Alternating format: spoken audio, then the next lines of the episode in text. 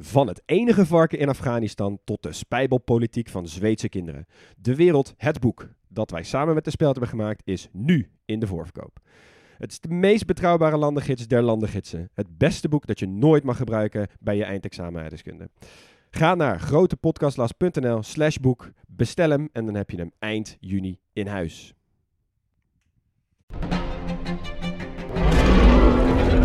Maarten van Rossum en ik, Gijs Rademaker, nemen je mee naar de tijd van de dinosauriërs.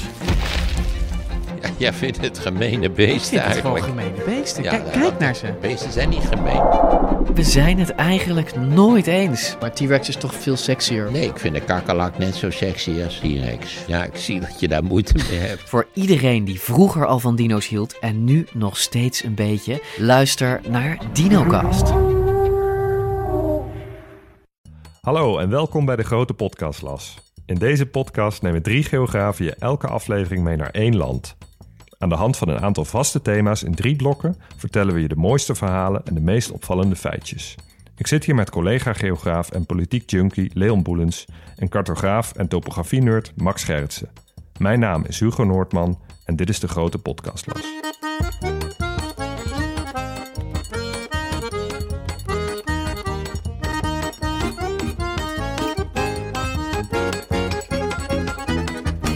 Deze week reizen we naar Tunesië, het kunstzinnige hipsterbroertje van de familie van Arabische landen. En wat ligt het dichtbij? Vanuit Europa kunnen we er bijna naar zwaaien. Een oase van vrijheid en democratie in de woestijn van conservatisme. Zo zagen wij Europeanen Tunesië graag. Maar hoe kwam het dan dat het vonkje voor de Arabische lente uitgerekend hier vandaan kwam? En wat heeft Luke Skywalker te maken met dit land? In deze aflevering gaan we op zoek naar antwoorden op deze en vele andere vragen. Aan het einde van deze podcast beantwoorden we drie vragen. 1. Waar moeten we dit land verbellen als wij een probleem hebben? 2. Wat gaan we missen als het ophoudt te bestaan? En wat zouden wij doen als we één dag in dit land zouden zijn? Nou heren, zijn we weer. Tunesië Ja. vandaag. Ehm, maar voordat we verder gaan, we hebben vrienden van de show. Zo, hoe snel kan dit gaan? Ja, dan moeten we even niet, niet onbenoemd laten dat, eh, dat niemand minder dan Ed Jaak en Ed Baris vrienden van de show zijn geworden. Bedankt mannen. Ja, bedankt. Of Ja. vrouwen. Ja, dit is super. Nu al na, na twee afleveringen. Dat Ja. is toch perfect? Ja, ik vind het echt fantastisch. Nee, ja, goed. Dus eh, voor, als je dit luistert en je vraagt je af... wat is in hemelsnaam een vriend van de show?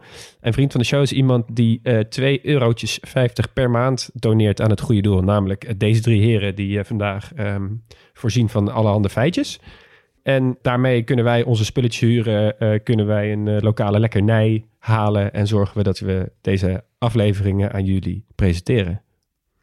Terug naar Tunesië. Hoe, eh, hoe ging de research? Wat, vond je het makkelijk, moeilijk? Ik vond het best wel pittig eigenlijk. Om, Tu- Tunesië is toch wat minder over bekend dan, eh, dan Ierland bijvoorbeeld, waar we vorige week over, eh, over spraken. Ja, je moest best wel, best wel graven om eh, achter leuke, pittige feitjes te komen. Ja, ik had het idee ook wel. En ehm, wij zijn er volgens mij ook allemaal niet geweest. Nee, Nee, ik ben ook niet Nee. geweest. Nee, hè? Ik vond het wel interessant dat Tunesië in ieder geval in wat dingen ehm, wel symbool staat voor hele grote bewegingen wereldwijd. Dus daar, Ja. daar, daar komen we ook wel over te spreken. Dat vond ik wel heel interessant aan dit land. Het is wel zo dat bij de meeste landen, als je iets opzoekt, kan je nog best wel wat hapklare, grappige, cultuurachtige feitjes of sportdingetjes oplepelen. Dat had ik bij Tunesië minder. Als je Tunesië induikt, dan kom je heel snel in een soort gigantisch lastig rabbit hole aan informatie die je niet makkelijk kan ontaarden in een, in een hapklare bite. nee, Nee, Klopt. geen, eh geen James Rodriguez en Gaelic voetbal dit daar. Nee, precies. nee, Nee. precies. Maar goed, En Guus Hiddink is er volgens mij ook nooit geweest.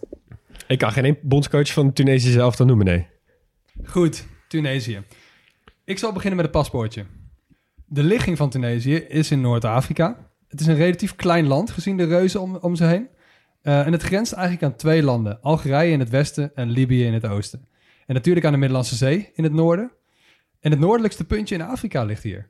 Oh ja. Dus op 80 kilometer afstand kom je ook al de eerste Italiaanse eilanden tegen. Nou, gezien de grootte van Afrika, van de Sahara, van de Middellandse Zee, is dat eigenlijk maar een heel klein stuk. Ja. Dus het ligt Ja. eigenlijk heel dichtbij.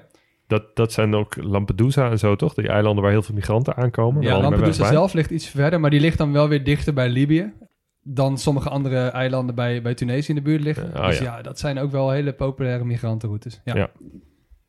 Goed, de oppervlakte is bijna vier keer Nederland. Eh, de- daarmee is het ongeveer net zo groot als Suriname. En het aantal inwoners is bijna 12 miljoen. De hoofdstad is Tunis. En in Groot Tunis, dus met, met voorsteden erbij, wonen ongeveer 3 miljoen mensen. En eigenlijk andere grote steden heb je eigenlijk alleen Sfax. Ja, Sfax, daar is verder niet heel veel over te melden, maar wel, ik vind het wel gewoon een hele vette naam. Hoe schrijf, schrijf je dat? Ja, S-F-A-X. Oké, vet. Ja, toch? Ja. De religie is de islam en de taal is Arabisch. Nou, dat gaan we ook wel in heel veel landen zien. Maar het heeft wel echt een hevig Tunesisch dialect. Verder worden er veel Berbertalen gesproken.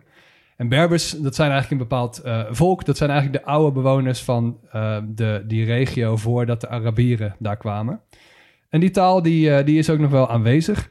En natuurlijk hebben we Frans. Want Frans is de oude koloniale taal. En gek genoeg is dat geen officiële taal. Maar twee derde Oh. van de Tunesiërs spreekt wel Frans. En het is ook wel de taal van bijvoorbeeld van het onderwijs en van de overheid. Heb je wel eens over taal gesproken? Heb je wel eens Berbers gezien? Ja, Hoe dat eruit ziet? ik vind die taal qua gewoon de, de manier waarop zij hun letters en hun tekens schrijven echt fantastisch. Het is geniaal. Ik zou wel wat op de social zetten. Nooit Ja. gezien. Maar dat is echt, die taal, dat is gewoon, ja, het is gewoon streepjes, lijntjes, smileys, mannetjes, poppetjes die aan het dansen zijn. Daar lijkt het een beetje op. Ja. Het is echt, echt een heerlijke taal om te zien. Hele vette vlag ook. Ja, Van het, ja. eh, de Amazigh heet ze, geloof ik. Hm. Nou goed, de meest voorkomende achternamen zijn Mohammed, Garbi, Hamami en Allah. Is Allah ook een achternaam? Ja. Oké, dat wist ik helemaal niet. En de vlag is rood. En natuurlijk, eh, ik ga hier gewoon voor eens en altijd eh, mee afrekenen. Tenzij we wat anders zeggen, is een vlag die rood is, staat voor bloed, bloed en nog eens bloed. Dus ook in Tunesië, dat is eigenlijk, eh, nou, rood is de kleur van het bloed. En in het midden heb je eigenlijk een soort rood-witte cirkel met daarin een vijfpuntige ster en een halve maan. En die verwijst natuurlijk naar de islam. Het is goed om te zeggen dat het bloed niet verwijst aan dat iedereen doodbloedt, maar aan het bloed dat ge, eh, gespeeld is door de mensen die eh, zich hebben gegeven voor het land. Voor het land, ja. precies. Dus altijd, er hangt altijd een zweem van martelaarschap, van strijd, van Ja. het bloed dat in, in de aarde getrokken is. In heel Precies, veel ja. landen zie je dit. Dus, eh, Behalve hè, in Nederland. Want in Nederland staat rood voor. Voor volgens mij weinig. Volgens mij was het altijd namelijk oranje boven en is dat gewoon stil aan van oranje naar rood veranderd, omdat je van een afstand konden de schepen rood makkelijker onderscheiden Ja, dan is, oranje. eh, ja. Ja. Interessant. Interessant.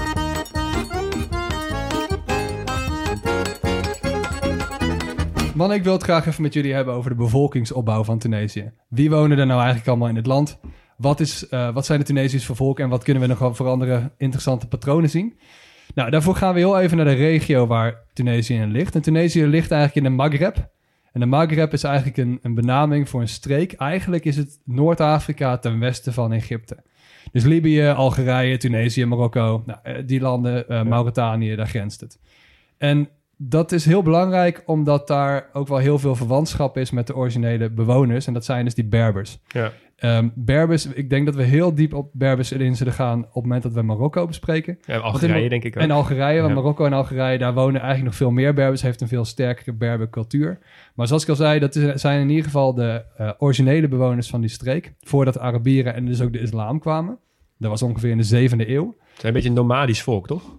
Ja, dat kun je wel zeggen. Ja.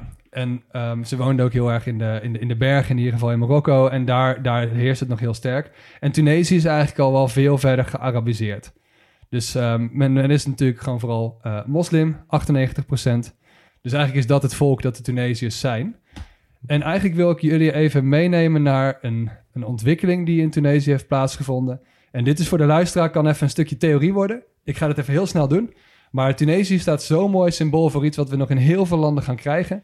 Dus ik ga het hier gewoon even heel kort over hebben. En we noemen dat de demografische transitie. Ah. Nou, ik hoor wat mensen ehm, denken van... Max, hoe ga je dit in godsnaam vertellen? Ja. Nou, ik heb er hier even een heel klein uitlegje voor. ehm, zodat jullie ook andere landen beter gaan begrijpen. Dus daar gaan we. In Tunesië is namelijk best wel een, een wonder gebeurd. In 1965 kreeg een Tunesische vrouw gemiddeld nog zeven kinderen. En rond 2000 waren dat er nog maar iets, minder dan, iets meer dan twee. Dus dat is een ontwikkeling die gigantisch snel is gegaan. En in heel veel landen die zichzelf economisch ontwikkelen, zie je dit eigenlijk gebeuren. Dus de demografische transitie, die, dat is eigenlijk, als ik het in één zin moet uitleggen, is eigenlijk dat landen, zodra ze rijker gaan worden, minder kinderen gaan krijgen. Ja, dus eigenlijk een soort transitie van eh, arm, maar heel veel kinderen krijgen, naar rijker en minder kinderen Exact. krijgen. Ja, en daarin onderscheiden we vier fases. Oké? Ja. Vier fases. De eerste is hoog geboortecijfer, hoog sterftecijfer. Ja, dus, veel kinderen krijgen en daarvan gaan er ook veel dood. Ja, relatieve... Nou, niet echt een hele grote bevolkingsgroei, want er gaan er ook gewoon heel veel dood. Ja. Ehm, je Arm hebt heel veel... land, arm land, slechte gezondheidszorg, oorlog, dat soort dingen. Ja, dus vrouw krijgt veel kinderen, want je hebt, gewoon, je hebt ze nodig in het huishouden. Je weet niet hoeveel er doodgaan natuurlijk. Hoe meer, hoe beter, hè, qua, qua zekerheid. Eh, ook geen voorbehoedsmiddelen natuurlijk. Maar er is ook heel veel sterfte door, door slechte hygiëne. Dan wil ik jullie vragen, welke landen zitten er nog in deze eerste fase? Nu, vandaag, deze dag nog? Ja. Ja, heel weinig. Ik, Dan- denk- ik, zou bijna, ik zou bijna zeggen geen één. Dat is heel goed. Ja? Ja, die zijn er niet meer. Yes. Wel gewoon streken ergens, gewoon heel achteraf. Maar Ja. die, die, die fase die hebben we wel gehad met z'n allen. Mooi. Tweede fase is heel hoog geboortecijfer, laag sterftecijfer. Eh, landen worden steeds rijker, dus de industriële revolutie komt, eh, meer voedselzekerheid, mensen hebben betere gezondheidszorg, minder, minder kindersterfte en dus ook een hogere levensverwachting. Ja.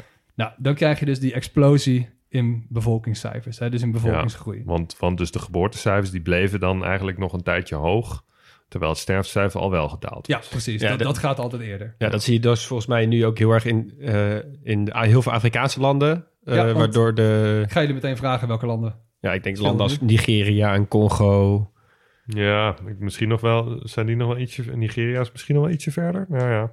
Ik weet niet. Veel landen inderdaad, Afrika onder de Sahara, dus ten zuiden van de Sahara. Eh, maar ook landen als Jemen, Afghanistan zitten daar, Ja. zitten daar ook in. Eigenlijk de aanvoerder van die lijst is Niger. Nou ja. Niger moet ik eigenlijk zeggen, geloof ik. Eh, met nog zeven kinderen per vrouw tegenwoordig. Zeven? Ja, die Ja. zijn ook wel echt koploper. Dus Ja. eh, wil je ergens weer aan, aan werken qua bevolkingsgroei, ga Niger helpen. Precies, want dit zie je dus heel vaak als we het hebben over een soort bevolkingsexplosie die gaat plaatsvinden de komende jaren in Afrika, heeft dus te maken met deze demografische transitie. Dus eigenlijk dat zij dus in een fase zitten waarin dus eh, eigenlijk inderdaad een opleidingsniveau iets omhoog gaat, eh, vrouwenrechten iets meer iets beschikbaar wordt, iets meer voorbehoedsmiddelen misschien. Ja.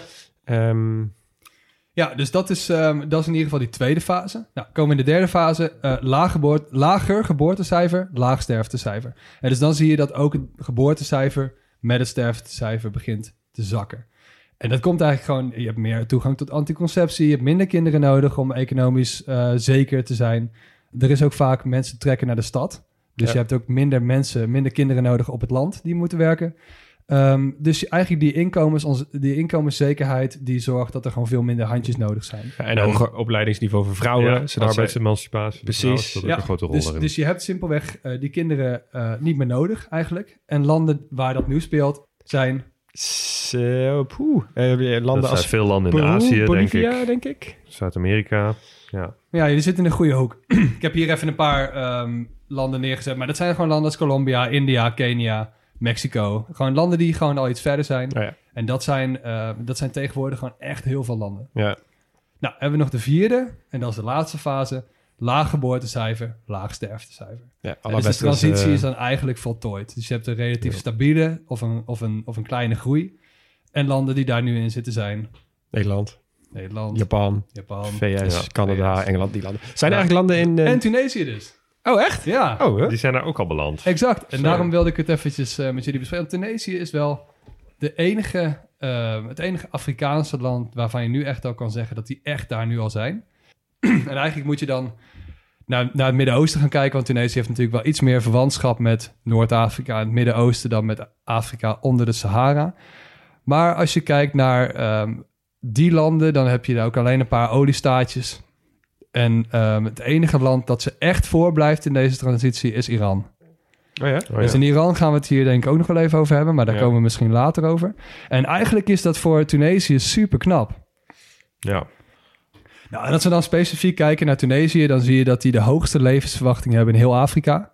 En de minste kinderen per vrouw Van heel Afrika? van heel. Afrika. Wauw, oké. Ja, dus eh, Tunesië is gewoon een heel mooi voorbeeld hiervan. Ja. Nou, eh, dit is in ieder geval een demografische tra- transitie. Min of meer, elk land volgt dit natuurlijk wel. Het maakt natuurlijk wel uit in welk land je zit qua hoe ver ze zijn. Er is ook nog een vijfde fase, maar daar, daar belanden nu best wel wat, wat landen in. En dat is eigenlijk waar je dus een hoger sterftecijfer dan een geboortecijfer krijgt. En dan gaat dus je bevolking krimpen. Maar heeft dat ook te maken met immigratie en emigratie? Ja, dat, dat kan dat nog een beetje opvangen natuurlijk. Ja, want dan is Bulgarije een goed voorbeeld natuurlijk. Ja, Bulgarije, heel veel oude Ja. Sovjetlanden. Maar bijvoorbeeld het land dat, dat dat als eerste heeft ingezet is bijvoorbeeld... Japan? ja. Ja, Japan heeft daar echt wel een probleem mee. Ja, ja maar... ehm, Ik ben blij dat je me aankijkt bij deze vraag met een hoofd van... Gast, dit weet je toch wel? Ja, dit, dit weet je toch gewoon, Leon. Niet voorbereid trouwens, dit, eh, lu- luisteraars. Maar nee, ja, je doet het goed. brak me aan alle kanten uit. Ja, terecht. Maar je bent geslaagd voor de test. Ja. Ja, dat heeft ook eh, te maken met eh, het feit dat er een tijd lang best wel veel meer geboortes zijn geweest dan eh, sterftes. En dat dat overschot ook een keertje dood moet. Hè. Kijk, die vergrijzing hebben we nu ook in Nederland. We hebben gewoon best wel veel mensen boven de Ja, de 65. boomers. dus- Ja. Maar dat is, Ja. dat, daarom is, daar komen we ooit nog wel op met onze waarschijnlijk twee weken durende serie over China. Waarom hun één kindpolitiek zo interessant was in die tijd. Omdat ze toen voorbij die industriële revolutie waren en dat het ineens omhoog kwam. Maar zij hadden al superveel mensen. Dus dat is ook een Ja. heel interessant eh, substuk in de Ja. Chinese cultuur. Ja, en ik denk even om, om af te sluiten met dit punt. Het grappige is dus, het, het gemiddeld aantal kinderen per vrouw op dit moment is dus iets meer dan twee. In Ja. Tunesië of in de wereld? In de hele wereld. Oh, ja. Dus ja, de bevolking groeit snel. Maar er komt vooral omdat er gewoon steeds meer volwassenen bij komen. Die mensen worden gewoon ouder. Dus Ja. het is gewoon een kwestie van wachten en zo snel mogelijk zorgen dat landen rijker worden. Precies. Om te zorgen dat... ja, en dat en er- ze meer, meer vrouwenemancipatie geven, meer onderwijs, meer anticonceptie. Zorgen dat ze op hetzelfde niveau komen als de rest van de wereld. ja. Uiteindelijk beter voor iedereen. En waarom het inderdaad, waarom dat cijfer 2 zo belangrijk is. Nou, misschien hoef ik het niet te zeggen, maar het is wel handig. Je hebt namelijk twee ouders. Die moeten allebei vervangen worden door twee kinderen. Ja, dus heb je nou precies twee, dan, dan zul je nergens in de wereld... Of tenminste, dan zou grosso modo zou het allemaal Hetzelfde gelijk blijven. Ja. Ja. Mooi. Nou, ik ga jullie even terugnemen naar de geschiedenis van Tunesië. En ik ga jullie heel ver mee terugnemen. Meestal eh, beperken we ons tot, eh, tot de relatief moderne geschiedenis. We gaan voor Christus. Ehm, mijn eerste kennismaking eigenlijk met Tunesië was op de middelbare school, toen ik Latijn had.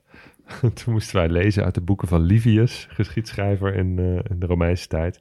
En die, ehm, die beschreef over de rivaliteit tussen Rome en Carthago. Carthago was eh, een, grote stad in, eh, in wat nu Tunesië is.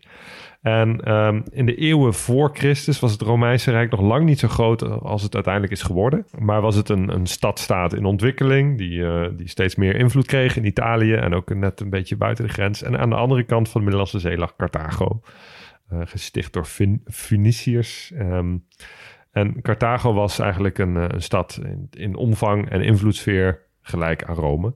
Aanvankelijk hadden die best een goede relatie, maar ja, beide gingen groeien. Dus dat ging op een gegeven moment ook een beetje ten koste van de onderlinge verhoudingen. Ja, je zag dat wel meer in de Middellandse Zeegebied, volgens mij. Veel van die stadstaatjes die aan het opkomen waren en met elkaar aan het wedijveren waren. Waar Ja. inderdaad Rome misschien wel dat grootste en beste voorbeeld is geweest van die tijd. Ja, ja, ja.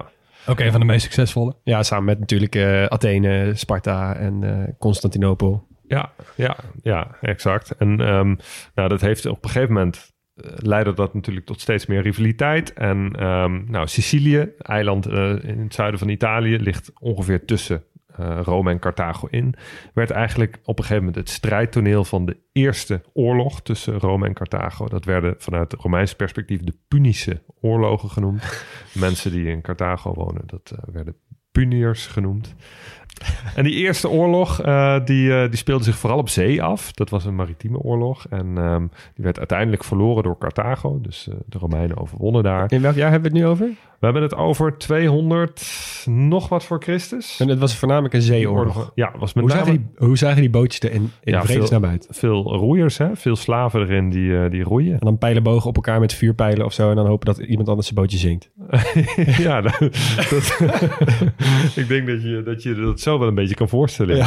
Oké, heftig. Ja, nee, dat waren vrij primitieve schepen. Maar al die volken rond de Middellandse Zee, die konden, ehm, nou, die hadden best wel een, een flinke zeevloot, hoor. Kan er vrij goed roeien. Ja, die konden behoorlijk goed eh, roeien. Er zaten veel slaven in, onder in die schepen eh, met eh, roeispanen heel hard te werken. Ja. Ja. Maar goed, de Romeinen wonnen die oorlog. Maar goed, de, de- de- het was voornamelijk een zeeoorlog. Dus Carthago was niet, niet verwoest of zo. Dus dat, dat ging verder. En op een gegeven moment hadden ze allebei gebieden in Spanje onder hun invloed. En ehm, eh, was er een verdrag gesloten wat bepaalde dat eh, de Ebro de grens was tussen het gebied onder Romeinse invloedssfeer en het gebied onder Carthaagse invloedssfeer. In de Ebro. De Ebro is een rivier in, eh, in midden-Spanje ongeveer. En op een gegeven moment werd, dat, werd die lijn geschonden. En dat was de Tweede Punische Oorlog. En dat is eigenlijk de meest bekende. Zegt de naam Hannibal jullie iets? Jazeker. Ja? Los van die gast die brein eet.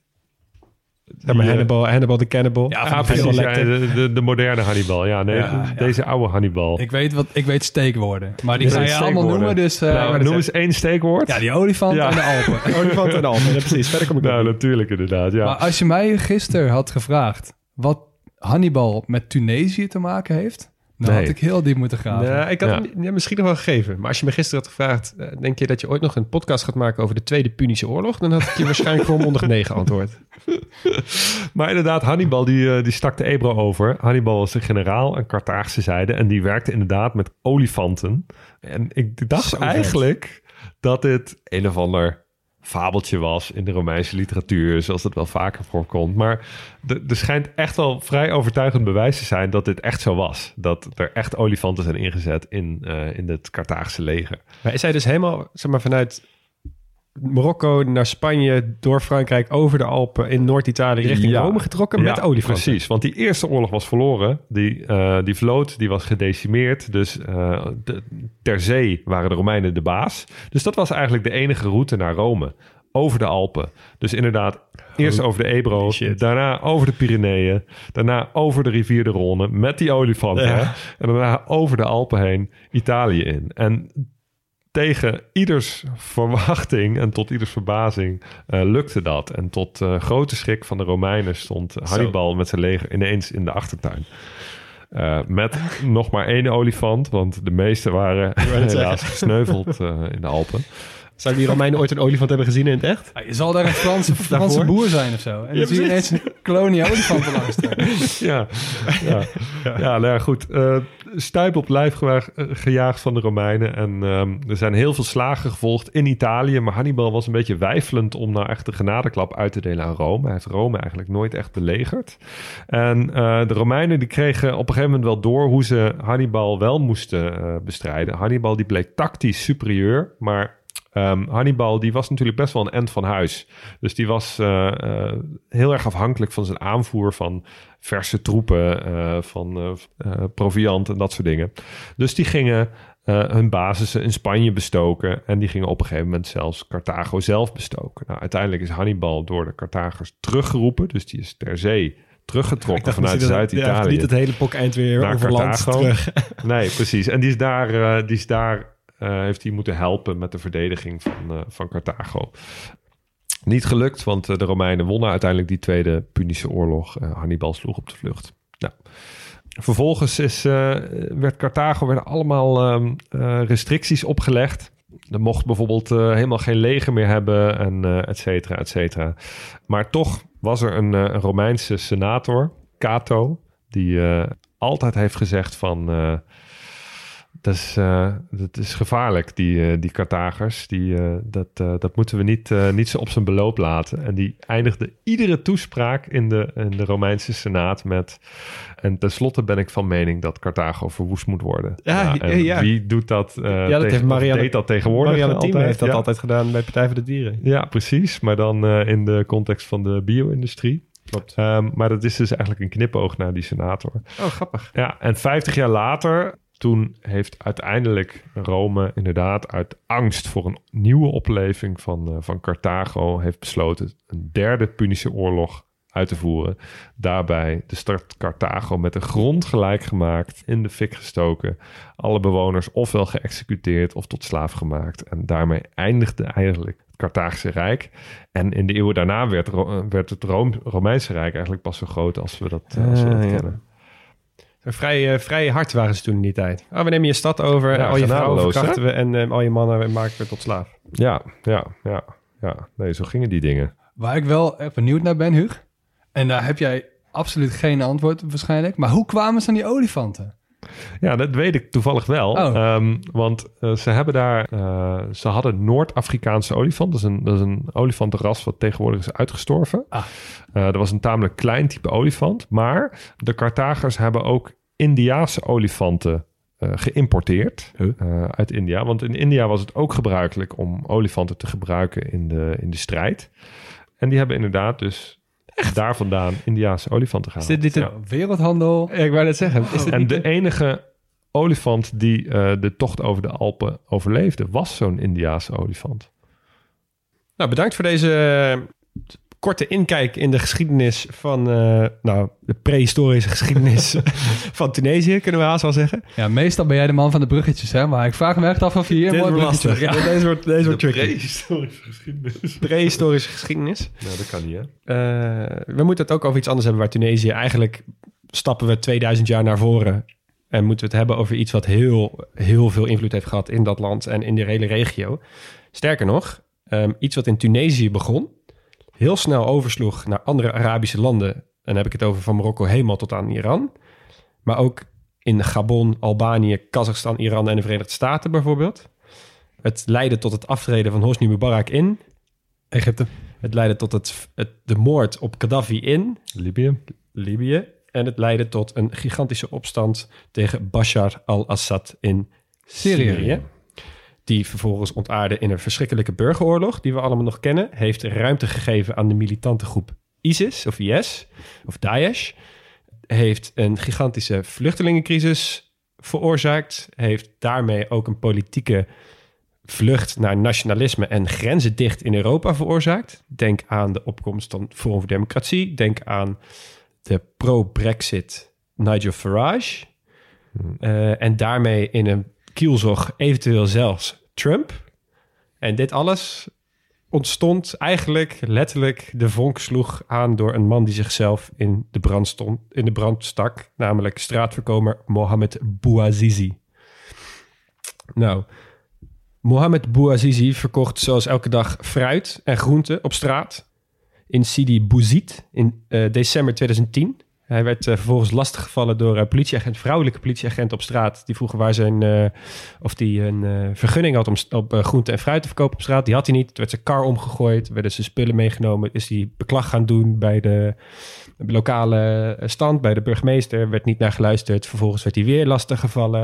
En toen werden zijn weegschalen gestolen, wat ongeveer zijn kostbaarste bezit was. En hij was gewoon ten einde raad, want hij moest zijn gezin onderhouden en hij had verder niks. En er was heel veel werkloosheid in een stadje ergens in de middle of nowhere. Dus hij kon niks. En uit een soort pure wanhoopsdaad, omdat hij gewoon niks meer wist wat hij moest doen, heeft hij zichzelf overgegooid met aansteker, vloeistof en in de fik gestoken.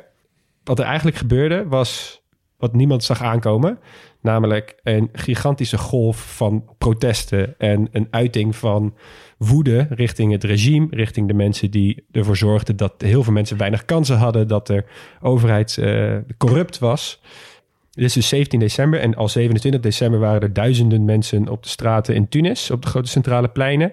Veel demonstraties, maar wat er toen gebeurde was natuurlijk de politie gebruikte veel geweld tegen de demonstranten en er werd niks laten zien op de nationale televisie, want die is allemaal in de handen van de overheid natuurlijk. Ja. En eh, onze vriend, of eigenlijk niet vriend, president Ben Ali van Tunesië was eigenlijk het grote mikpunt van deze protestacties. Want hij werd gezien als de grote corrupte leider die al jarenlang aan de macht was en eigenlijk heel veel geld naar zichzelf liet strooien, naar zijn eigen familie en verder niks voor de mensen deed. Eh, maar hij was daar al sinds 1987, dus we spreken nu, we hebben het nu over 2010. Dus snelle rekensom 23 jaar aan de macht. Hij probeerde de protesten dus te stoppen. TV werd tegengehouden, politie moest hard optreden, maar het werd allemaal niet uitgezonden. Maar waar deze protesten en de Arabische lente ook bekend om staat, is De social media. precies. Alles Ja. werd dus verspreid via Facebook en Twitter. En Facebook was heel belangrijk, omdat ze daarin konden ze hun berichten delen waar ze gingen verzamelen. Ja. Eh, het is niet dat dat alleen door Facebook en Twitter was, want ze hadden onderling ook nog allemaal kanalen om te kunnen communiceren. Maar door Facebook en Twitter werd het ook heel snel naar de westerse wereld ja. eh, geëxporteerd, als het ware. Ja. Ehm, Goede manier om de staatsmedia te omzeilen. precies. Ja. Ja. en ik vind het wel interessant dat je... eh, je, hebt, je hoort het wel eens over de Vietnamoorlog bijvoorbeeld... dat dat echt de eerste tv-oorlog was. Weet je, die Ja. mensen echt allemaal thui- eh, gewoon thuis... Die eh, foto's en die video's van, van daar, die namen mensen mee naar Amerika. Precies, Ja. en dat had zo'n grote impact op, op dat conflict. En je zou misschien wel kunnen zeggen dat de Arabische lente, hè, waar we het nu over hebben, dat dat echt de, precies dat is, maar dan voor social media. Exact. Ja, nou zijn er inderdaad. eh, sommige mensen gingen zo ver om te zeggen dat er zonder Twitter en Facebook geen eh, Arabische lente was geweest. Dat is echt, dat is al op heel veel verschillende momenten is het ontkracht. Want zoals ik al zei, ze hadden ook heel veel onderlinge manieren om met elkaar te communiceren. Maar het was desalniettemin heel belangrijk. En dit heeft zich als een olievlek, ongelukkig woordgrapje, eh, verspreid over de hele Arabische wereld. Maar dit, dit gaat nog wel echt nog steeds over Tunesië zelf, hè? Precies, dit gaat over Tunesië zelf. Want Ja. zij zijn dus inderdaad, eh is een goede vraag. Zij zijn dus inderdaad echt een soort toonbeeld van een land wat in een democratische transitie eh, wel is gelukt. Want ze hebben daarna dus eigenlijk een eerste soort echt vrije verkiezingen gehad. Dat was, er waren hele rare verkiezingen. Er waren heel extreem links en extreem conservatief. Er eh, is heel veel te kiezen. echt van alles te kiezen. Ze hadden heel veel verschillende partijen. eh, waar, waar echt openlijk werd gepleit voor meer sharia. Openlijk werd gepleit voor een soort communistisch bewind. En alles wat er ongeveer tussenin zat. was een heel interessante tijd. Goed, er werd dus een eh, parlement gekozen. Het parlement verkoos een interim president. Nou, die president zat daar een tijdje. En toen op een gegeven moment waren de, de extremistische, de is- is- extremistische islam... was niet tevreden met hoe het ging in het land. Die hebben toen in korte tijd twee progressieve eh, oppositiepolitici vermoord. Eh, echt best wel bekende en eh, populaire lui. Toen was het totale crisis, is het kabinet gevallen. En nu komt er iets heel interessants. Toen is er, omdat er zoveel crisis en chaos was in dat land, zijn er dus vier verschillende organisaties samen gaan werken om ervoor te zorgen dat de crisis in het land werd opgelost. En nou moet je goed opletten. Het was namelijk het Tunesisch kwartet van de Nationale Dialoog. Daar denk je, waar heb je het over? Maar dat zijn dus vier partijen. Het was namelijk de Al- Algemene Arbeidsunie, dus een vakbond. Eh, de Tunesische Confederatie van Industrie, Handel en Ambachten, dus echt de werkgevers. De Tunesische Liga voor Mensenrechten en de Tunesische Orde van Advocaten. Oké. En zij hebben er dus voor gezorgd met z'n vieren dat ze dus alle maatregelen die opnieuw werden ingevoerd ook de goedkeuring hadden van de Tunesiërs. Dus niet alleen van de elite en niet alleen van de mensen die aan de macht waren, maar dus echt van de Tunesiërs zelf. En eh, dit is gelukt. Vreedzame dialoog op stand gebracht, presidentje aan de macht gebracht. En wat hebben ze hiervoor in de plaats teruggekregen?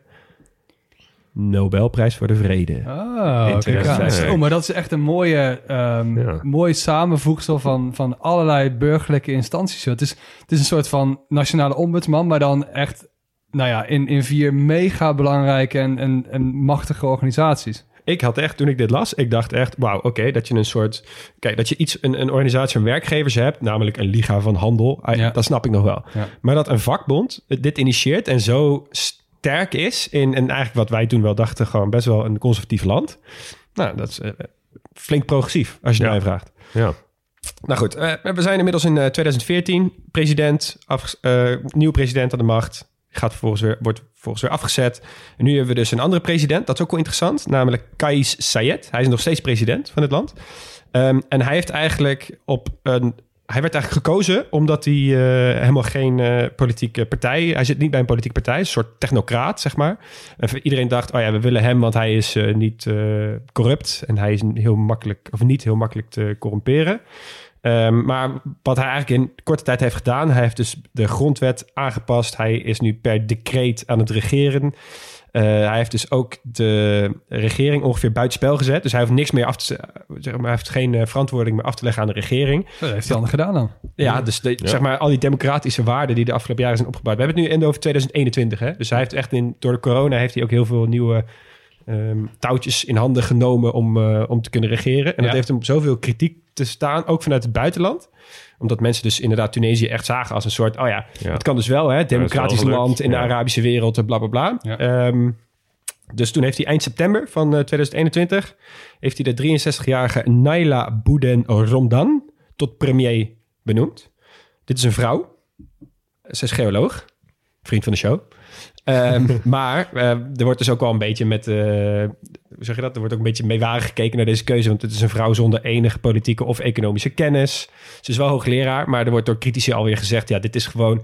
Iemand zei heel cynisch... als het Westen boos op je is... moet je gewoon een feministische daad stellen... en dan zijn ze vanzelf weer tevreden. Ja, ja, precies. Ja, dan, Benoem een vrouw als premier... eh, en dan vinden ze alles best. zeker daar. Dan heeft het Westen denkt, nou, project geslaagd.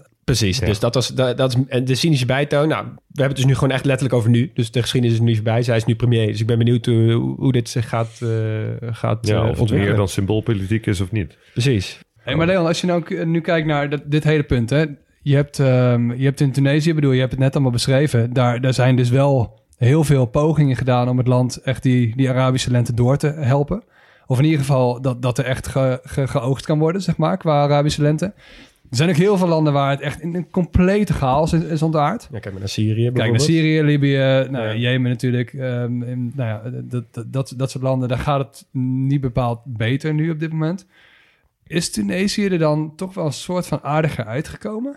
Ja, dat zou je denk ik wel kunnen stellen. Kijk, ik zou het heel interessant vinden om hiermee te praten met iemand die inderdaad zelf uit Tunesië komt. Maar ehm, ze worden wel gezien als een soort hoop, baken van hoop uit die regio. Namelijk wel het democratisch bestel, wel veel verschillende partijen. Ja. Ehm, ja.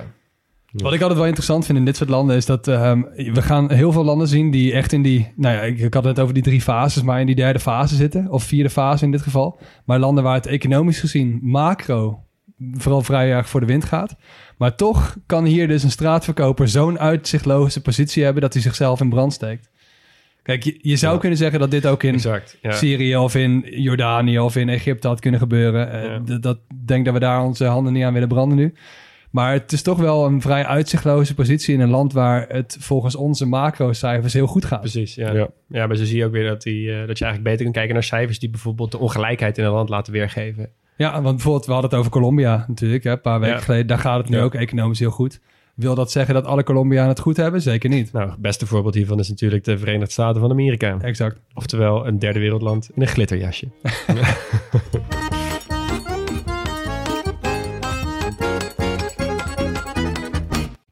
Stop de podcast. Je vakantiegeld komt eraan, dus het is tijd om jouw reis te boeken. En onze sponsor van vandaag heeft een dikke kortingscode. En die sponsor van vandaag is Sawadi, niemand minder. Dit is een reisorganisatie en vakanties zijn natuurlijk duur, dus dit aanbod is extra interessant deze tijd. Ik vind dat altijd een mooie organisatie, Sawadi. Ja, ja ik ook wel. En Ja. ze bieden verschillende soorten eh, groepsreizen aan. Eh, en vandaag gaan we het even hebben over die ze aanbieden aan de 22 tot 35-jarige backpackers. En dat zijn over het algemeen mensen die wel wat meer willen weten over het land dat ze bezoeken. En dus niet zomaar van A naar B die hotspots aflopen, busje in, busje uit.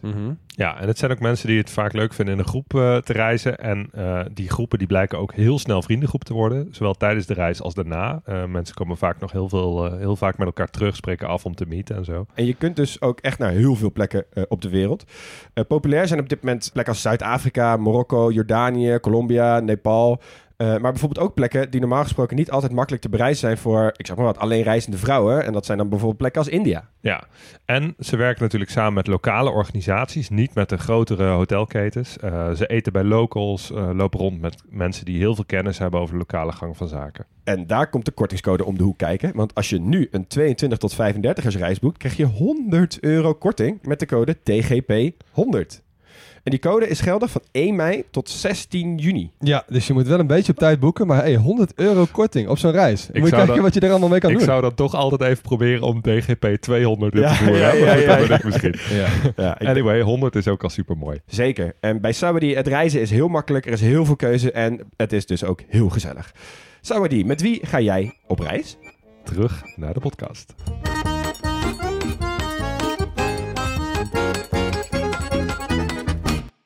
Nou, top. Gaan we verder met het, eh, fysisch-geografische deel. Tunesië, als je het ziet op de kaart, het is, als je Noord-Afrika voor je ziet, heeft het een soort inhammetje.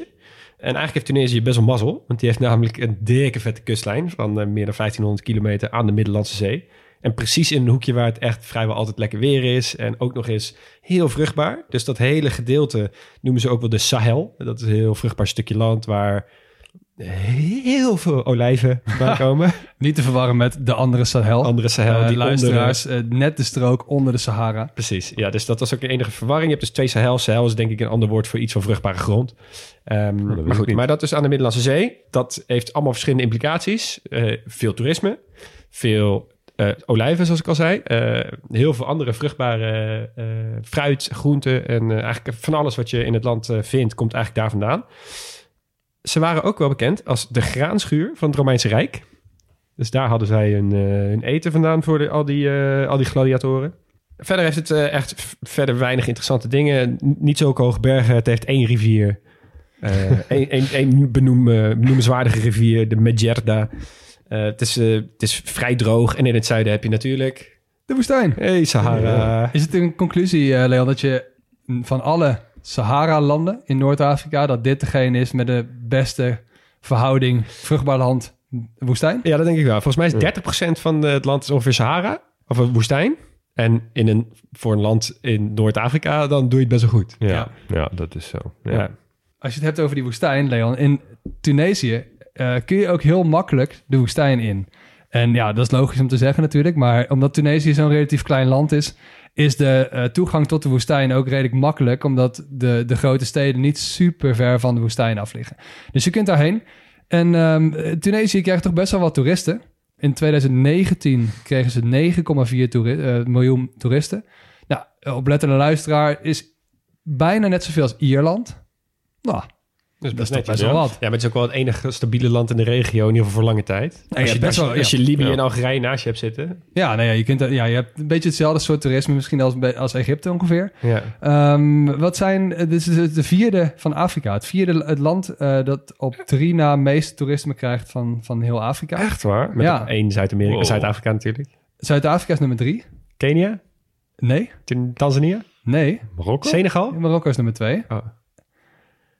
Ghana? Nee. Senegal? Egypte. Ja, Egypte tuurlijk, natuurlijk. Ja, stom. Ja, tuurlijk. Egypte is nummer één. Ja, goed, die hebben ook wel een paar best wel vette piramides waar je heen kan. Nou, die heeft Tunesië niet, maar je kunt wel naar best wel veel dingen als je naar eh, Tunesië op vakantie gaat. En eigenlijk kun je dat in drie categorieën indelen. Ehm, nou ja, of je kunt dus kamelenritjes gaan maken in de woestijn waar je redelijk makkelijk komt. Of je kunt met je luie reet in de zon gaan liggen. Of je kunt naar oude, interessante steden. En we hebben natuurlijk ehm, Carthago genoemd. Je kunt ook naar Sidi Bou Said. Ehm, een hele mooie oude stad. eh, heel mediterraans door het aan. Lijkt ook wel een beetje op sommige Griekse eilanden. Santorini ongeveer. Ja, ik wou net zeggen, dat is Hmm. met het blauw toch ja, allemaal? met blauw. En ja, dat is wel echt heel mooi. Ja, en, klopt. Ja. eh, nou goed, je kunt ook naar Tunis natuurlijk. En dan ben ik Tunis, wel altijd bij dat, soort, bij dat soort plaatjes, zeg maar, van die blauwe steden en dorpen. Dan denk ik altijd, jullie hebben precies die ene hoek gevonden Ja. in het hele dorp, waardoor het Ja. allemaal er fantastisch uitziet. Maar als je 10 meter verder loopt, is het waarschijnlijk gewoon één grote puinbende. ja, hoe ziet het eruit als die cameraman 180 graden Precies, ja, exact, Sowieso. ja. Maar dit, dit schijnt ook, dat, eh dat Sidi Bou Said lijkt, dit schijnt ook wel echt heel mooi te zijn hoor. Ehm, je kunt natuurlijk ook naar Tunis. En Tunis is best wel een, een cosmopolitische stad. Zeker voor die, voor die regio. Het is best wel westers ook. Nou ja, de, de Fransen hebben daar heel lang huis gehouden. Die hebben daar ook wel wat, wat gebouwen neergezet. Nou goed, en je kunt, ehm, je kunt verder. Je kunt nog naar Djerba. Djerba is wel echt eh, de toeristische hotspot eigenlijk. Ehm, het, is, het is een eiland en het is best wel een, een mooi eiland met heel mediterraan klimaat. Eh, je hebt palmbomen, je hebt winterstranden, je hebt eigenlijk, eh, nou ja, het is eigenlijk ook best wel een door een klomp aarde, maar je hebt er heel veel mooie zonresorts. Dus daar gaan mensen heel graag heen. Ja. Alleen op Djerba heb je ook, eh, het wordt ook wel het Jeruzalem van Noord-Afrika genoemd. Ah. Nou, het van het, maar Jeruzalem van Noord-Afrika, want het is een van de laatste Joodse gemeenschappen van de Arabische wereld. Ja, Er interessant. wonen nu nog iets van 1100 Joden. Er waren er ooit 100.000. Maar die zijn vooral naar Israël gegaan ehm, uit angst voor vervolging nou, in de afgelopen eeuw. Je hebt daar ook El Griba. En El Griba is een van de oudste synagogen van de wereld. In Oh. Tunesië. Ja, ehm, Hmm. 586 voor Christus. Meen je? Ja, dus da- dat is ook op dat eiland. Oké. Daar is in 2002 wel een aanslag gepleegd. Eh 20 doden, eh, waaronder v- 14 Duitse toeristen. Wow. En in 2018 is er nog een mislukte poging geweest om het plat te branden met een molotov cocktail. Oei. Ah, En Tunesië heeft ook wel ervaring met, met dat soort aanslagen in de afgelopen 10 jaar. Ja. En je hebt bijvoorbeeld in 2015 is het Bardo Museum. Dat is wel echt een, een Ja. gerenommeerd internationaal museum in, ehm, in Tunesië. Daar zijn 22 doden gevallen, eh, onder wie veel Europese toeristen. Ehm, verder, eh, er zijn vier Star Wars films opgenomen hey. in Tunesië. Ja. Zullen we het zo meteen bij films ook nog wel even over hebben. Maar wat ik eigenlijk veel interessanter vond... en dat is misschien ook wel even een kleine hobby van ons drieën... ehm, luisteraars, het- de bouwstijl, het brutalisme... Ja, yes. is net zo ruig als je het, eh, als je, het je kunt Ik voel me voorstellen. af hoeveel afleveringen het zou duren voordat we brutalisme erin konden Ja, we brengen. moeten dit gewoon een keer doen. Want we gaan dit wel vaker zien. En het brutalisme is eigenlijk heel veel beton. Heel lelijk. Nou ja, wel echt gebouwd in de jaren 50 tot 70 ongeveer van de vorige eeuw. En gewoon, ja, het is, het is ontzettend lomp. Als Denk iets- echt iets- aan grote Franse skistations en Hoogkaterijnen bijvoorbeeld. Als er iets is wat mooi van lelijkheid is, dan is het wel het brutalisme. Exact. En ze hebben daar echt een pareltje, Hotel du Lac in Tunis. Dit is wel iets wat we ook even op de socials gaan plaatsen. Maar dit is een hotel dat is zo ontzettend ruig. En nou ja, volgens sommige mensen lelijk, volgens sommige mensen mooi. Maar het grappige is dat ehm, er gaan ook wel verhalen dat de Sandcrawler voor alle Star Wars films... eh, Zo'n ding dat er rijdt door de woestijn, moet mij verder niet vragen. eh, geïnspireerd is door dat hotel, Hotel du Lac. En ehm, ja, het is eigenlijk een soort omgekeerde piramide, maar dan heel, ehm, heel smal. En ehm, nou ja, je moet er vooral even naar gaan kijken op de, op de socials, want het is echt wel een tof gebouw. Ongelooflijk vet. Ja, en het is precies in hetzelfde jaar geëind, of, eh, geopend als Hoog Katerijnen. Dus eh, nou ja, nice. tijdsbeeld. Ik vind het wel mooi eh, voor de luisteraar dat Max Gerritsen dit stukje vertelt over Star Wars. Want hij kan denk ik echt precies niet het verschil aanwijzen tussen een Star Wars, een Star Trek of een Game of Thrones verwijzing. Nee, als het rijden de ruimte in gaat, ben ik er niet meer bij. Dus, eh, je maar, het is dus nu Maar hier opge- zit er nog zo een hoor. Ja, jij ook niet, toch? Ik heb daar niks van gezien. Nee. Ik, ik weet echt, echt niet waar het over gaat. Dan gaan we Nee. snel door met het volgende onderwerp. Ja. ja, Ehm, ja, Leon, jij zei het net al even. Ik ga het even over de economie van Tunesië. Je zei al van, nou, ze hebben best wel mazzel met hoeveelheid vruchtbare land die, die ze daar hebben. Ja, ze, ze verbouwen inderdaad best wel de, de standaard eh, mediterrane producten. Olijven, dadels, eh, wat heb je nog meer? Tomaten, zijn ze best wel goed in. Echte klassiekers. Dus dat doen ze veel, dat exporteren ze ook veel. Ehm, nou, een ander deel, een groot deel van de economie is natuurlijk het toerisme. Ze hebben wat industrie, ze exporteren veel, tamelijk veel textiel. Ehm, niet omdat katoen nou daar groeit, maar meer omdat het er in elkaar wordt gezet. Dus ze hebben best wel een eh, flinke textielindustrie opgebouwd. Ehm, verder moeten ze het vooral nog hebben van, eh, van de grondstoffen van het land, maar ook van onder het land. Ze hebben wat aardolie, niet zoveel als, eh, als andere landen in Noord-Afrika. Ehm, Algerije heeft heel veel, hè? Hm? Algerije heeft heel veel olie. Algerije heeft veel olie, ja, Ja. Libië heeft veel olie. ehm, nou ja, alles, alle, alle, alle Arabische landen eigenlijk. Maar wat ze wel veel hebben is eh, fosfor, fosfaat. Oké. En gebruikt in? In kunstmest. Ja, dit is Ja. een super niet sexy grondstof waar je heel veel geld mee Ja. kan verdienen. Heel niet sexy, maar ongelooflijk belangrijk. Kunstmest is, heeft gewoon voor een enorme landbouwrevolutie geleid, waardoor we nu voor alle mensen die er op, wereld, op de wereld zijn, bijna allemaal, gewoon heel veel eten kunnen maken. En kunstmest is daar heel belangrijk voor. En, eh, en eh, fosfaat is daar de grondstof voor die belangrijk is. En die vind je maar op een aantal plekken eh, in de wereld. Ehm, de grootste voorraad, geloof ik, in Marokko, of in ieder geval de grootste per hoofd van de bevolking. Dat is echt een gigantische ehm, eh, voorraad daar. En dat wordt, eh, dat wordt gewonnen uit de grond in de vorm van erts. Gewoon zoals je ijzer, eh, ijzererts bijvoorbeeld ook kan winnen. Ja, dus je En- hebt gewoon fosfa fosfaatmijnen, toch? Ja, Ja. daar haal je gewoon, gewoon rotsen uit met, waar fosfaat in zit. Ehm, nou, vervolgens moet je dat eruit halen. En dan krijg je een bijproduct. Dat is fosfogips. Fosforgips wordt het Ja. ook wel genoemd. Ehm, dat is eigenlijk een goedje wat dan overblijft. Eh, zeg maar als je, als je de, de good stuff zeg maar, eruit hebt gehaald, dan heb je dat over. En daar kan je niet zoveel mee. En het is licht radioactief. Dus niet super handig. Ja, super. Dus dat, eh, dat, dat dump je dan maar ergens. En dat hebben ze bij Sfax gedaan, eh, vlak, vlakbij. hebben ze een enorme berg van dat spul opgeworpen. Nou, dat, was, dat, dat is best wel een probleem. Er is een kwart eeuw lang een zwemverbod geweest in het hele gebied rondom Sfax. Omdat dat niet, zo'n, nou, niet zo goed was voor, voor het milieu daar in die omgeving. Nou, daar moesten ze een keer wat aan doen. En nu hebben ze die, ehm, die puinbak eigenlijk aangegrepen om dat eh, flink te gaan saneren. En alles wat daar ligt hebben ze in zee gestort. En op die manier extra land aangewonnen. Ah, super. En ze zijn nu bezig om daar een hele grote eh, nieuwe stedelijke ontwikkeling te plannen. Dus daar, daar, daar komt een heel, heel nieuw stuk stad. eh 60, 70.000 mensen. Gebouwd op licht radioactief materiaal. ja, het schijnt wel op een goede manier eh, eh, afgeschermd te zijn. Al ligt het project nu wel stil, omdat er toch wel wat zorgen vanuit milieuactivisten zijn, et cetera. Toch wel. Toch wel. Dan dan wil ik je ook bij deze feliciteren dat wij waarschijnlijk de eerste podcast zijn in de geschiedenis van podcast die in binnen het uur het heeft over de Tweede Punische Oorlog als over de grondstof van kunstmest. Ja, Ik denk dat dit nog niet eerder is voorgekomen. dat is een flinke omzwaai. Ja, maar wel zo relevant. Maar we, we zullen op de social wel even een plaatje eh, plaatsen van hoe dat gebied er nu van boven uitziet. Dus eh, ze hebben dat, dat spul uitgereden als het ware en eh, een, stukje, een stukje de zee ingereden. Dus dat is een mooie aanwinst voor Sfax. Maar er is nog niks op gebouwd. Maar ehm, het ziet er wel een beetje buitenaards uit als je er van boven naar kijkt. Mijn hemel, ik wil echt nu heel graag dat plaatje zien. Ik ga meteen opzoeken zo meteen. Ja. aanwinst voor Sfax. Een aanwinst Ja, voor nou. Sfax. Taparura heet het, eh, het gebied wat, eh, wat opnieuw ontwikkeld wordt.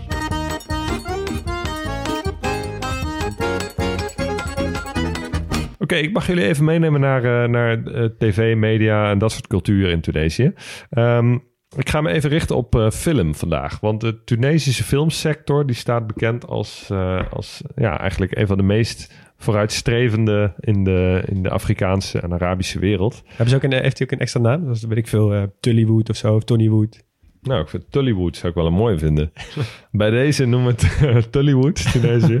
Eh, ze hebben daar wel een eigen, eigen filmfestival. eh, het Carthago Filmfestival. Hey. Naar, naar Carthago natuurlijk. Ehm, en op dat filmfestival is ook altijd extreem veel aandacht voor echte Arabische films, Afrikaanse films. Ehm, dus, dus echt op de, op de lokale productie. Toch zijn er in Tunesië niet heel veel films gemaakt. Ehm, we kennen Tunesië vooral inderdaad als opnamelocatie voor veel westerse films. Nou, bijvoorbeeld in het zuiden van Tunesië is eh, Star Wars eh, opgenomen. Max, je noemde het al. Ehm, Leon, vertel jij maar even. Want zoals ik net al zei, Star Wars is niet echt in mijn straatje. Nee, nou, je hebt in, ehm, in het zuiden van Tunesië heb je een dorpje liggen dat heet Tatooine. En Tatooine is zowel de naam van het dorp als de naam van de planeet waar de hoofdpersoon van Star Wars, Luke Skywalker, ehm, is opgegroeid, is geboren. En de stijl die je ziet in de film is een typische Berberse bouwstijl, namelijk van een soort zandhuisjes, kleihuisjes die je meteen herkent als je ze ziet. We zullen wel een plaatje ook weer hiervan op de social zetten. Maar dat vonden eh, de makers van Star Wars vonden dat zo mooie huisjes en heel typisch en karakteristiek dat ze de naam van de planeet hebben vernoemd naar het dorp in Tunesië. Nou, ehm, zo zijn er nog meer films, eh, westerse films opgenomen. Ehm, want George Lucas heeft daar ook eh, Indiana Jones opgenomen, deels. Verder The English Patient is voor een groot deel opgenomen in Tunesië. En de Tunesische films, eh, of de films van Tunesische bodem die, die wel zijn gemaakt, die hebben wel de naam om best wel maatschappij kritisch te zijn. Eh, zeker voor Arabische begrippen. Bijvoorbeeld films die, eh, die gaan over ehm, eh, nou, bijvoorbeeld best wel controversiële thema's als relaties tussen mannen en vrouwen. Ehm, maar ook tussen het samenleven tussen verschillende geloven. Al dat soort zaken. Wat, wat dus best wel, nou ja, best wel vooruitstrevend is om daarover te, te filmen in de, in de Arabische wereld. Ja, die vooruitstrevende positie zie je ook terug in de keuken. Ik heb namelijk wat dingetjes voor je. We hadden het net namelijk over wat... eh, Max, jij had het over eh, een eh, kleine Joodse gemeenschap die er nog in, in Tunesië is. Die is er ook nog steeds. Heb ik kusje voor jullie. Ehm, welk gerecht dat wij kennen als Israëli's... of in ieder geval enigszins Joods... komt eigenlijk uit Tunesië? Bedoel je nou hummus? Nee? Oh, shit. Zo, nu krijg je heel veel, heel veel Oh, boze misschien eh shakshuka. Shakshuka. Oh, wat goed. Ja, shakshuka, gerecht, eh, lunchgerechtje van eh, eigenlijk een soort tomatenprutje waar ze eieren in, ja, hoe noem je dat? Dat is ook wel gooi dit. Ja, je kan het heel lekker maken. Ik eet dit vaak hoor. Ja. Dit laat me niet gebeuren. Ja, precies. Nou goed, eh, zoek het op. Eh, Otto Leng die heeft er een fantastisch recept voor. Eh, maar komt dus van origine uit Tunesië. Yo. En Mm. eh, de Tunesische keuken is dus oprecht anders dan de landen daaromheen. En dat heeft vooral te maken met één specifieke kruid, of eigenlijk kruidsoort. Peper? Daar?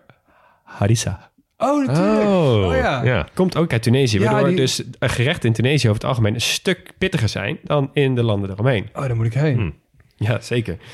Eh, ze hebben er ook lablabi. Ik weet niet of je dat kent. Een soort kikkerert eh, soepje.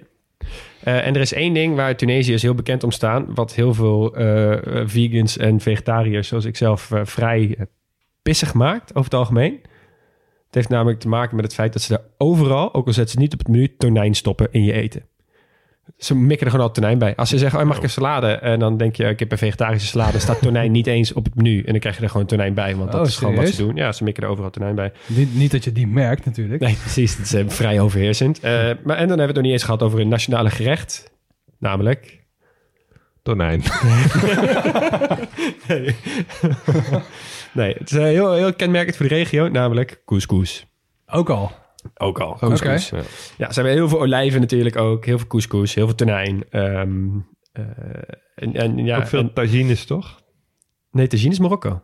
Ja, maar volgens mij daar ook. Ik heb, ben niet echt gekomen. Hm. Maar ik, misschien, eh, ik eh, hou me graag aanbevolen voor een lekkere tagine op de stoep. Nou, misschien wel wat spicier dan de Marokkaanse Precies. versie. Ja, en wat natuurlijk ook, wat we vorige week hebben gemerkt, wat ook bij de keuken hoort, is de drank.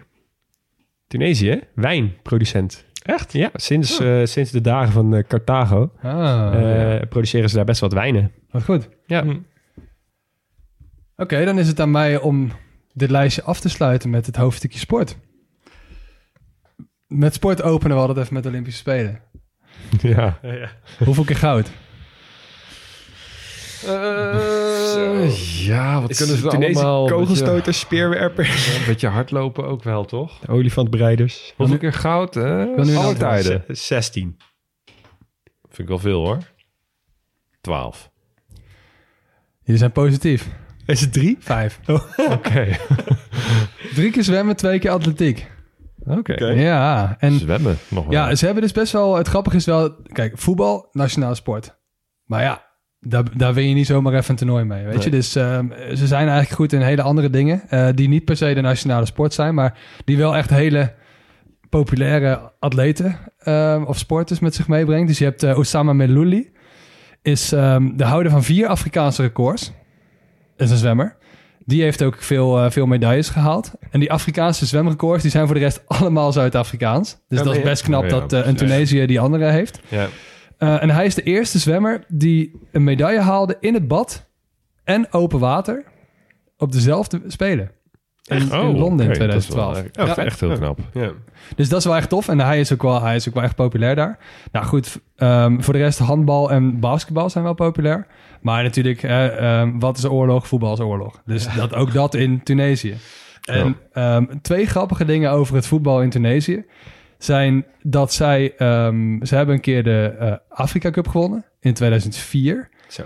Maar ze hebben ook de African Nations Championship gewonnen in 2011. Hm, Wat is dat? En nu wil ik graag van jullie weten wat is het verschil.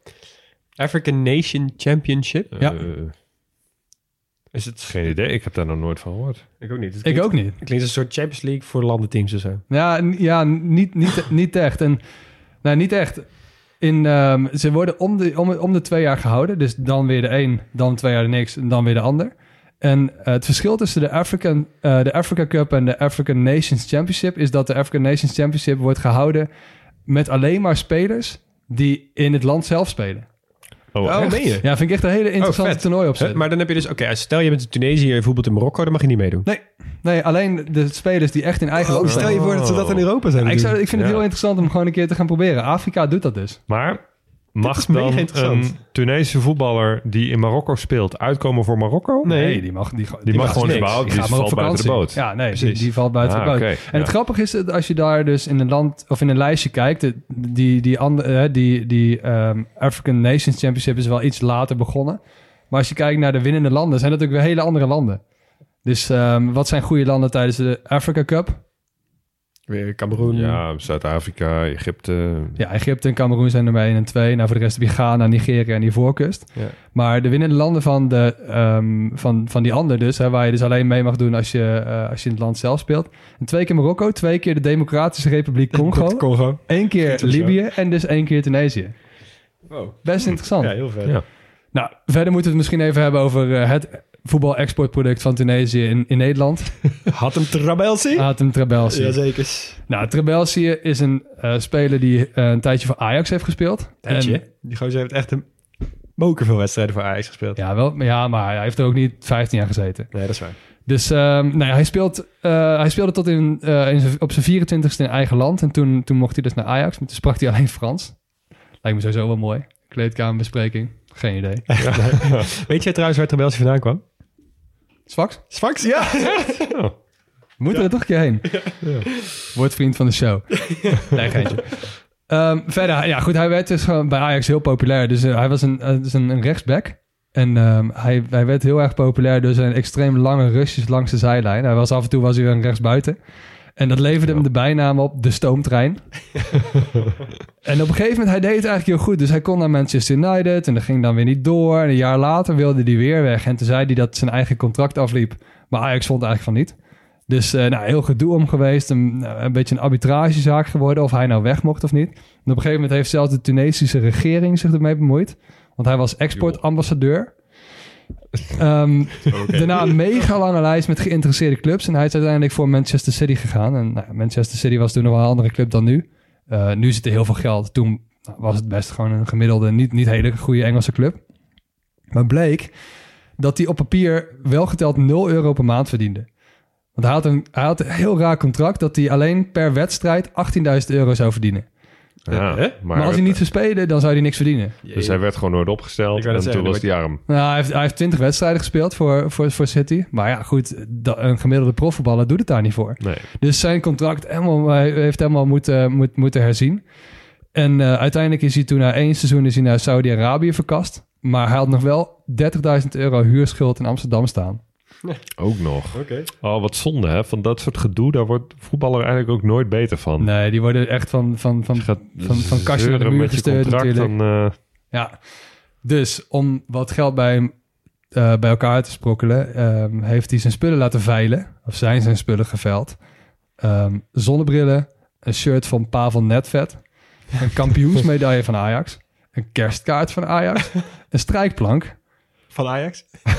Nee, die kostte, die kostte 2 euro. van de blokker. Krankzinnig. Maar goed, Trabelsi was wel populair in Amsterdam. Dus 10.000 euro heeft dat nog opgeleverd. En uiteindelijk ehm, is hij teruggegaan naar Tunesië. En toen schijnt hij zich aangesloten te hebben bij een salafistische organisatie. Dus uiteindelijk eh, kwam dat er best wel veel internationale aandacht te staan. En hij is nu, eh, hij is nu voetbalcommentator. Zo. Haat hem. Haat hem. Nou, Ja. jongens, ik heb een voorstel. Wij veilen eh, volgende week via Twitter de strijkplank van Leon Boelens. De opbrengst komt eh, ten goede aan de show. En haat hem gebeld. Doe 50-50.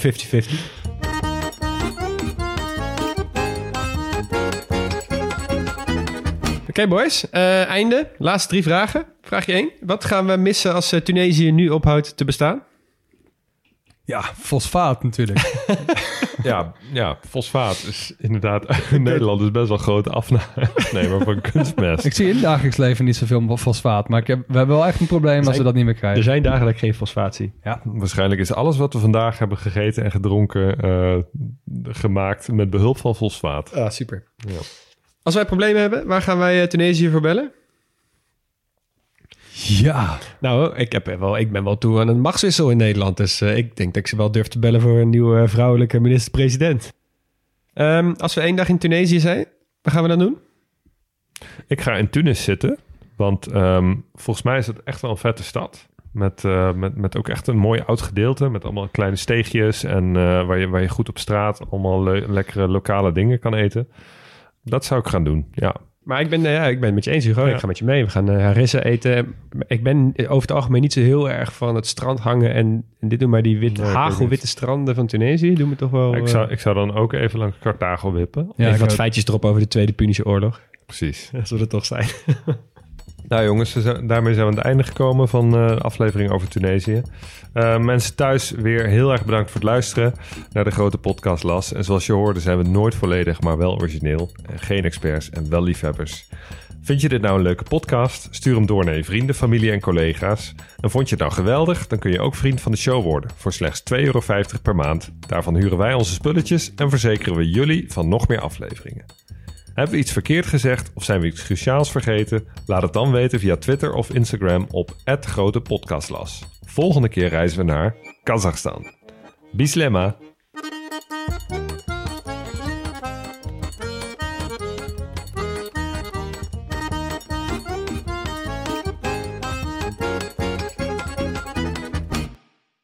Luisteraar. Luister je nog steeds? Klasse man, je hebt er gewoon helemaal afgeluisterd. Nou, nu je tot hier bent gekomen, koop dan ook gelijk even ons boek hè. grotepodcastlas.nl slash boek. Doei!